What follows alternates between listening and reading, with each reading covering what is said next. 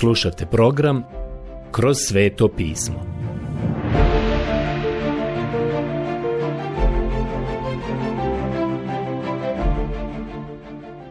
Knjiga Postanak.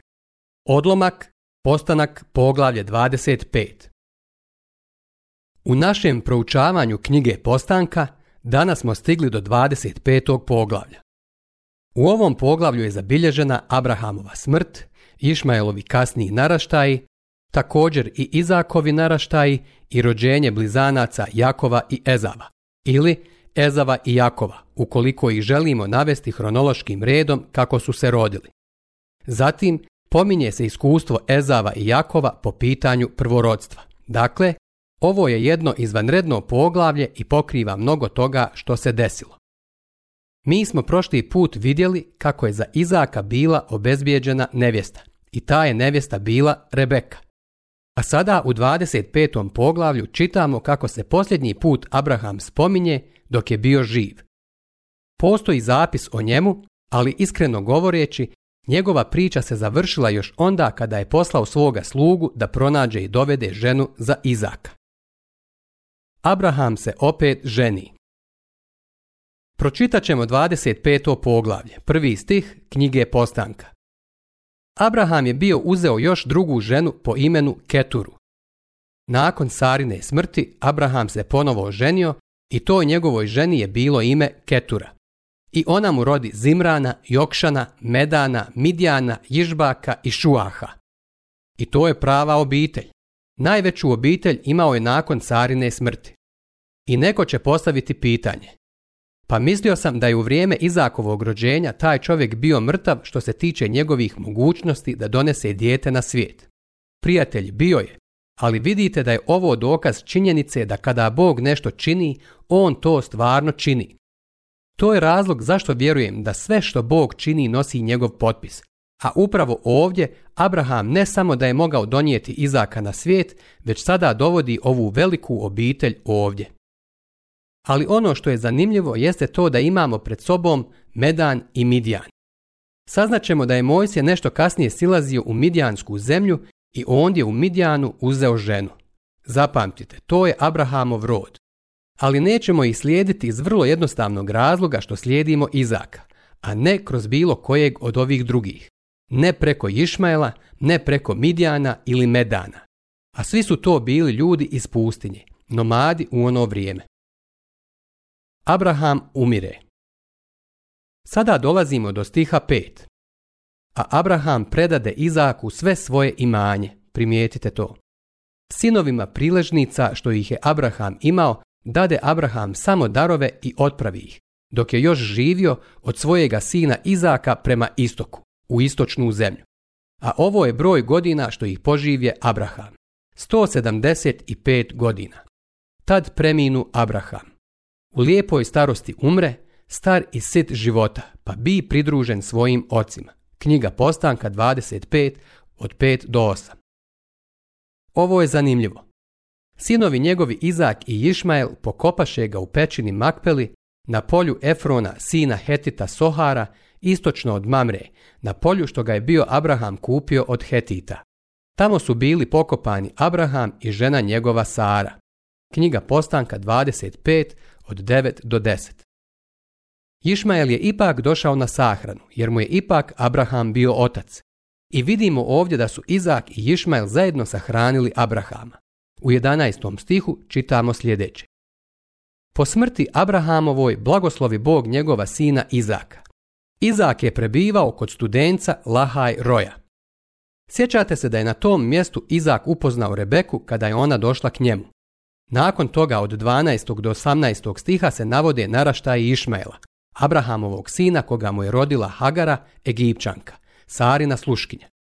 U pomenutim stihovima je dat popis Išmajlovih potomaka, ali ja uopšte nemam namjeru čitati ovaj dio, nego samo želim da vam skrenem pažnju na činjenicu da je to metoda duha svetoga. Ovo je rukopis duha Božjega. Tako je u knjizi Postanka. Prvo se navodi ona linija koja je odbačena i zatim se ostavlja po strani i ne spominje se više. Data je i linija koja vodi do Krista. Tako, nakon Išmajlove loze koja je ovdje navedena, dolazimo do 19. stiha koji počinje sljedećim riječima. Slijedi povijest Izaka. Ezav i Jakov Slijedi povijest Izaka, sina Abrahamova. Abraham rodi Izaka knjiga Postanka 25.19. Ovo je linija koju ćemo slijediti, a to ćete pronaći u prvom poglavlju Evanđelja po Mateju. Abraham je rodio Izaka, Izak je rodio Jakova. Kao što smo i vidjeli, svaki od njih je imao i druge sinove. Abraham je ovdje imao dosta sinova, ali se oni ne spominju. Odnosno, rodoslov tih ljudi se uopšte ne prati, već samo rodoslov Izaka. A sada ćemo pročitati 20. stih. Od sada slijedimo samo Izaka i liniju njegovih potomaka. Možete zaboraviti na Išmaela, a možete zaboraviti i na Midjana i Medana. Njihovi putevi će nastaviti da se ukrštaju sa putevima sinova Abrahamovih. A Izaku je bilo 40 godina kad se oženi Rebekom, kćeri Aramejca Betuela iz Padan Arama, sestrom Aramejca Labana. I Izak se molio gospodinu za svoju ženu, jer nije imala djece. Gospodin ga usliši i tako njegova Rebeka zatrudnje. Knjiga Postanka 25 od 20 do 21. Vidimo ovdje sada da je Rebeka bila nerotkinja. Izak se molio gospodu za nju i ona će sada roditi blizance. Stih 22. A kad su se sudarala djeca u njezinu krilu, ovo je veoma zanimljiva izjava. Zapravo, toliko je zanimljiva da je možete pratiti kroz sveto pismo. U pitanju je borba. Vidimo da je to borba koja se i danas vodi u svijetu. Postoji borba između svjetla i tame, između dobra i zla, između duha i tijela. I svako Božije dijete zna nešto o toj borbi. To je ono što je pred nas postavljeno u sedmom poglavlju poslanice Rimljanima. A kad su se sudarala djeca u njezinu krilu, reče Ako je tomu tako, što će onda biti od mene? I ode da pita gospodina nije baš razumjela šta se dešava. Pročitat ćemo sada 23. stih. Gospodin joj odgovori.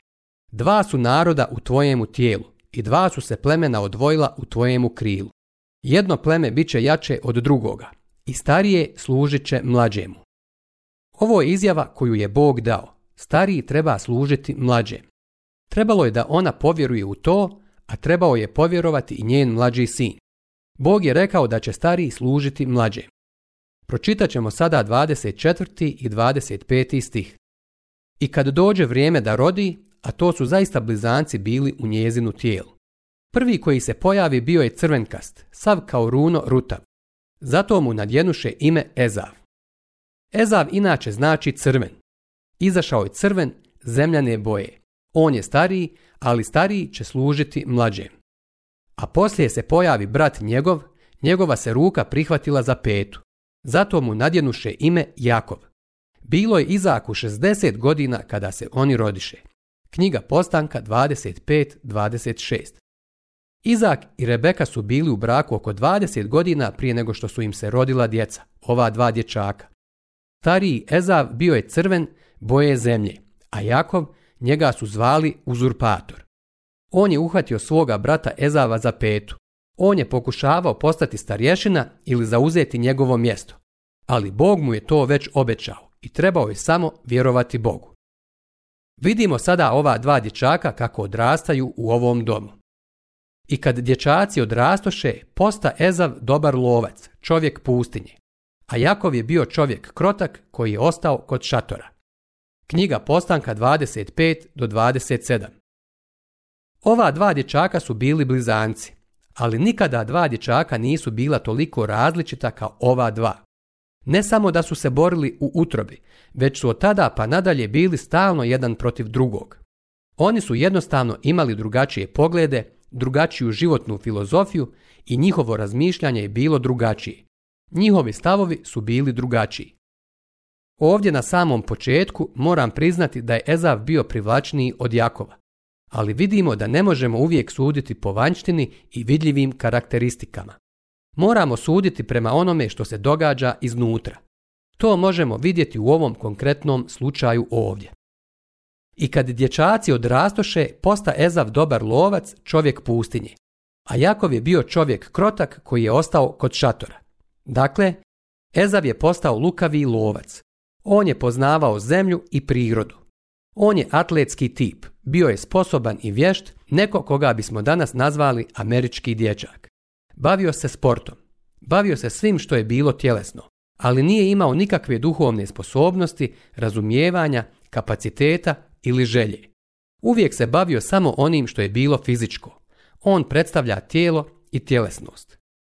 Jakov je bio običan čovjek i mislim da od takvoga možeš napraviti šta god želiš. On je boravio u šatorima. On je bio u zatvorenom. Bio je mamin sin. Bio je vezan za maminu suknju. Primijetite da bi se pokrenuo i učinio ono što mu je mama rekla. On je stvarno bio mamin sin. A Ezav je bio tatin sin. Stih 28. Izak je više volio Ezava jer je rado jeo lovinu, a Rebeka je više voljela Jakova. Ovdje sada imamo problem u kući. Pretpostavljate da će u ovim okolnostima oni imati problema i jesu ih imali. Jer kad je jedan roditelj pristrasan prema jednom, a drugi roditelj prema drugom djetetu, onda nastaju problemi. I upravo je to ono što se ovdje dogodilo. I Izak je volio Ezava jer je jeo divljač koju bi Ezav ulovio. Ezav je išao u lov i kada bi išao u lov, uvijek bi nešto ulovio i donosio kući divljač. A Izaku se to svidjelo. Dopadao mu se ovaj mladić. On je bio tip koji je volio provoditi vrijeme na polju. A Rebeka je voljela Jakova. On je bio mamin sin. Iskreno ću vam priznati, u ovom konkretnom trenutku ovaj mladić Ezav izgledao je mnogo privlačnije. Zapravo se činilo da je pravi i potpuni dječak. A ovaj drugi dječak, Jakov, on je bio lukav. Pokušavao je biti pametan. Njemu zapravo nije bio problem sagnuti se i učiniti stvari koje su apsolutno pogrešne. Bog će se pozabaviti sa njim. Zanimljivo je to što je Ezav izvana možda izgledao vrlo privlačno, ali ispod površine nije imao bilo kakav kapacitet za Boga. Ako je ikada postojao svjetovan čovjek, onda je Ezav bio takav čovjek, čovjek svijeta. On je bio zainteresovan samo za fizičke stvari, to je sve. To je bilo sve za šta je živio. Ali kod Jakova je ispod površine postojala želja za stvarima koje su duhovne, i trebalo je dugo vremena da Bog popravi sve pukotine i ruševine i ukloni sve ono što je prekrivalo njegovu nutrinu, kako bi se spustio tamo gdje je njegovo najintimnije biće. Bog je to u konačnici i učinio. Prije nego što završimo sa Jakovom, vidjet ćemo da je on postao Božji čovjek i da je to bio i ostao do samog kraja u knjizi postanka kroz sve situacije u svom životu. Međutim, on to nije pokazao sve do kasnijih godina u svome životu. I mi ćemo nekad kasnije doći do toga i tome posvetiti više pažnje. Ovdje nam je sada predstavljena jedna situacija koja se dogodila u njihovom domu. Sada možemo vidjeti i dobro razumjeti da u jednom takvom domu stvari nisu pravične i dobro ujednačene. Postojale su poteškoće. Dolazilo bi do sukoba poput ovoga koji je opisan. I takav dom se ne bi mogao zvati sretnim domom. Pročitat ćemo sada 29. stih. Jednom skuhao Jakov jelo. Tada Ezav dođe iz pustinje sav gladan. Ezav reče Jakovu, daj mi brže da jedem toga crvenoga, toga tu crvenoga jela, jer sam vrlo gladan. Zato se prozva Edom. Jakov odvrati. Prodaj mi najprije svoje pravo prvorodstva. Ezav odvrati. Ah, moram eto umrijeti. Što će mi to pravo prvorodstva? Knjiga Postanka 25, 29 do 32. Molim vas, zapazite da ovaj incident otkriva prirodu i narav obojice ovih muškaraca. Ezav je došao iz polja, bio je u prirodi i vratio se umoran. Bio je iscrpljen. On nije umirao od gladi kao što bi možda neki rekli, jer niko ko bi bio doveden u Abrahamov dom ne bi ostao gladan. Imao bi nešto za jelo. Stvar je bila da u tom trenutku nije bilo ništa pripremljeno za jelo, osim jela koje je spremio jako. Bio je to neki gulaš ili juha koju je Jakov napravio. Jakov je bio neko ko je bio vičan poslovima u domaćinstvu. On je dobar kuhar, ali ne i neko ko je dobar u aktivnostima na otvorenom. On se bavi samo kuhanjem unutra. Daj mi brže da jedem toga crvenoga, toga tu crvenoga jela, jer sam vrlo gladan. Zato se prozva Edom. A Edom znači crveni, znači zemljani. Dakle, ovaj čovjek pita svoga brata sljedeće. Daj mi da jedem malo ove hrane. Jakov, varalica i izdajica mu je na to odgovorio sljedećim riječima. A Jakov reče, prodaj mi najprije svoje pravo prvorodstva. Jakov je želio to pravo prvorodstva. Koja je bila vrijednost tog prava prvorodstva? Pogledajmo to na trenutak. U tadašnje vrijeme to je značilo nekoliko stvari. Značilo da je onaj koji ga je imao bio glava kuće, to je također značilo da je onaj koji ga je imao bio i sveštenik porodice. A u ovoj porodici to je značilo da će onaj koji ga ima biti onaj koji će biti u rodoslovnoj liniji koja će voditi ka Mesiji, ka Kristu. Da li sada mislite da je Ezav uopšte cijenio pravo prvorodstva? Jakov je znao da on to nije cijenio i da tome uopšte nije pridavao važnost. Nije mario za to da bude sveštenik porodice. Zapravo, to je posljednja stvar koju je on želio. On jednostavno nije želio takve stvari. Ne osjećam se dobro kada danas čujem kršćane, posebno nekog čovjeka koji je kršćanin od koga zatraže da nešto učini, a on kaže ja nisam propovjednik, ne mogu to učiniti. Naravno, možda ti nisi propovjednik, ali vidiš da danas ima previše onih koji ne žele činiti ono što je duhovno ne žele ni ostaviti utisak da su duhovni ili zainteresovani za duhovne stvari. Ezav nije želio ostaviti takav utisak. Uvrijedio bi ga svako onaj ko bi ga nazvao džakonom ili propovjednikom. Nije želio pravo prvorodstva i nije mario za to što je bio u rodoslovnoj liniji koja je vodila do Krista.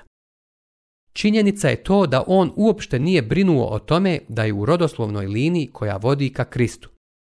Jakov je to vidio i rekao mu je reći ću ti šta ću učiniti. Ako mi daš svoje pravo prvorodstva, ja ću tebi dati zdjelu juhe.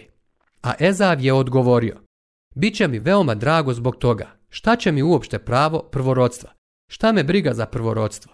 Za mene to ne vrijedi nikoliko jedna zdjela juhe. Toliko je vrijednosti on pridavao duhovnim stvarima. Naravno, pomenut ćemo sada i ono što nije u redu kod Jakova. Bog je obećao da će stariji služiti mlađem i pravo prvorodstva bi trebalo da dođe Jakovu u Božje vrijeme. Međutim, Jakov jedva čeka da se to ispuni i on ne može više čekati. I tako je on posegnuo da uzme ono što mu je Bog obećao. I to je učinio na jedan pametan i veoma lukav način. Nije to trebao učiniti na ovaj način. Trebao je čekati da mu Bog sam da obećano pravo prvorodstva. Ali saznaćemo da Jakov ne može čekati a na kraju krajeva on je takav čovjek koji je djelovao po principu. Ono što mogu učiniti sam, nema razloga da tražim od Boga da to učini. Osjećao se sasvim sposobnim da se sam brine o svojim poslovima. I prema ljudskim mjerilima prošao je prilično dobro, ali samo na početku. Došao je dan kada ga je Bog poslao na fakultet, a Laban je bio direktor tog fakulteta. Taj fakultet je bio poznat kao fakultet teških udaraca. Jakov će tamo zaista naučiti nekoliko važnih stvari na tom fakultetu za teške udarce. Međutim, do ovog trenutka je djelovao misleći da je sam dovoljno pametan da shvati ono što mu dolazi. Pročitat ću sada 33. i 34. stih. A Jakov reče, zakuni mi se najprije. I zakle mu se i prodade tako svoje pravo prvorodstva Jakovu. Na to Jakov dade Ezavu kruha i jela od leće.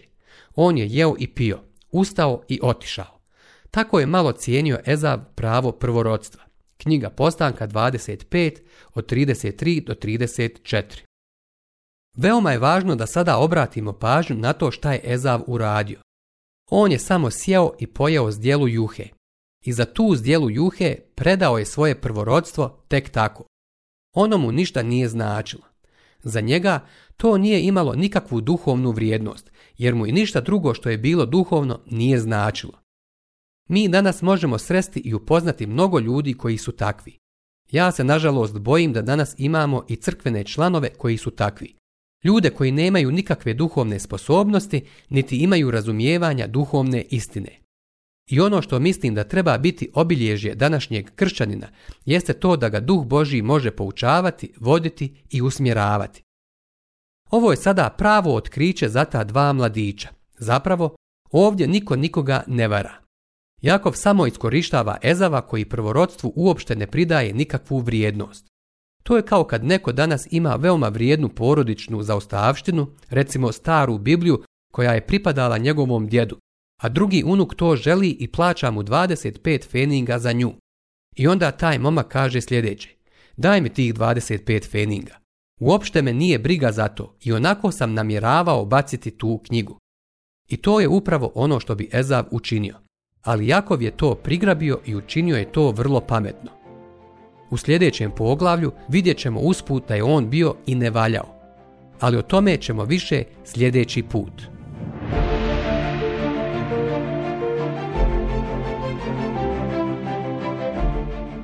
Slušali ste emisiju Kroz sveto pismo. Možete nas slušati i na našem YouTube kanalu, putem mobilne aplikacije, te na svim glavnim podcast platformama kao što su Google, Apple i Spotify. Ako vam se naši programi dopadaju, preporučite ih i podijelite s drugima. Budite slobodni da ostavite svoj komentar ili nam pišite na našu e-mail adresu kroz sveto at gmail.com Zapratite našu stranicu kroz sveto pismo BiH na Facebooku i na Instagramu. Emisije iz ove serije možete pronaći na našoj stranici ttb.tw.org.